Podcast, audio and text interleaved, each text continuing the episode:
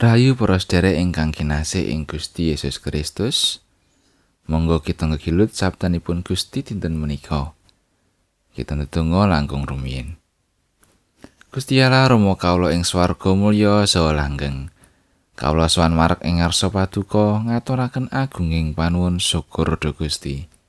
Berkah paduka tansah tumrah ing gesang kawula. Sameneika Gusti kawula badhe nampi sabda paduka. Mugi roh suci madangi lan nyagetaken kawula nindakaken sabda paduka.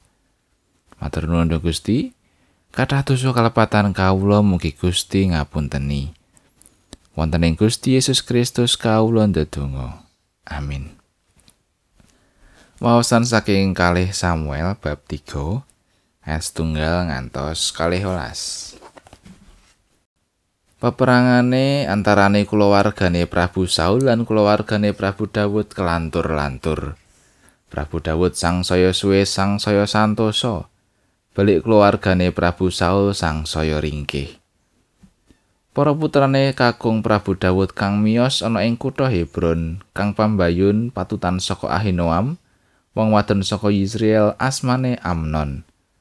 Putrane panenggak patutan saka Abigail randane Nabal, wong ing Karmel, asmane Kileab. Putrane Pandodo asma Absalom, patutan saka sang putri Maaha putrane sang Prabu Talmai ratu ing Gesur. Putrane kang kapat patutan saka Hagit asmane Adonia. Putrane kang kalimo patutan saka Abital asmane Sefaca lan putrane kang kanem patutan saka Egla asmane Yitream iku kabeh putrane Prabu Daud kang miyos ana ing Hebron Salawase ana peperangan antarane kulawargane Sang Prabu Saul lan kulawargane Sang Prabu Dawud. Sang Abner saya gedhe pangaribawane ing satengahe kulawargane Prabu Saul.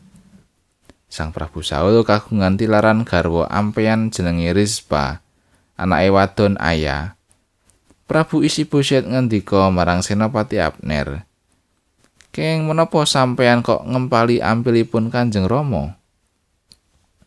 Senopati Abner duka banget amarga saka pangandikane Prabu isi boset mau ature.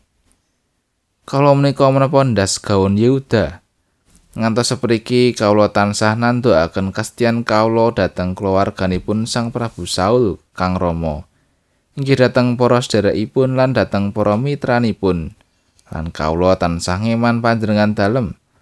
Sampun ngantos dumawah ing astanipun Sang Prabu Daud. Nanging sak menika panjenengan dalem dakwa kawula lampah awon kalian tiang estri. Mula Gusti Allah paring apa hukuman dhateng Abner. Malah nglangkung ana saking menika menawi kawula mboten nandhukaken dhateng Sang Prabu Daud ingkang kaprastyakaken dening Sang Yewah kalian supaos dumateng panjenenganipun. Inggih menika mindah kratonipun Sang Prabu Saul lan ngedekaken damparing kararajanipun Sang Prabu Daud. temah ngreh Israel lan Yehuda wiwit ing dan ngantos dumugi ing Berseba lan sang Prabu isi buset ora bisa mangsuli sakecap kecapo marang Senopati Abner amarga saka eringe marang panjenengane Senopati Abner banjur utusan marang ngarsane Prabu Dawud sarta diweling. Negeri menika kagunganipun sinten? Kawula aturi damel prajanjian kalian kawula. Kawula saestu badhe mbiyantu panjenengan dalem.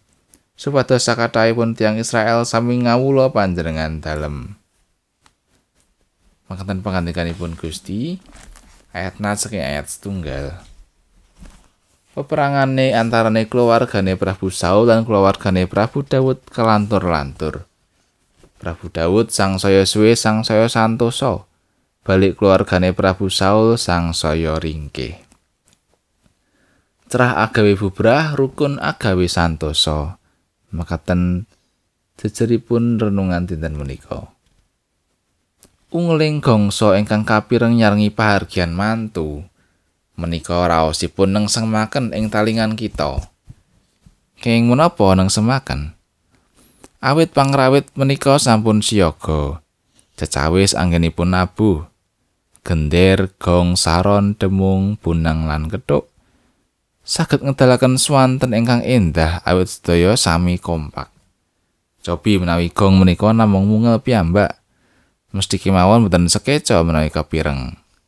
Mangkaten ugi menawi pasraungan kita menika kompak. Kebak ing pirukun temtunipun endah. Kosa wangsulipun menawi dredah kemawon mesti ugi badhe nuwuhaken cecongkrahan. Wawasan dinten menika nyariosaken lampahaning brayatipun Prabu Dawud kalian brayatipun Prabu Saul. Wontene brayat Prabu Dawud sansaya santosa. Keng menapa saged mekaten?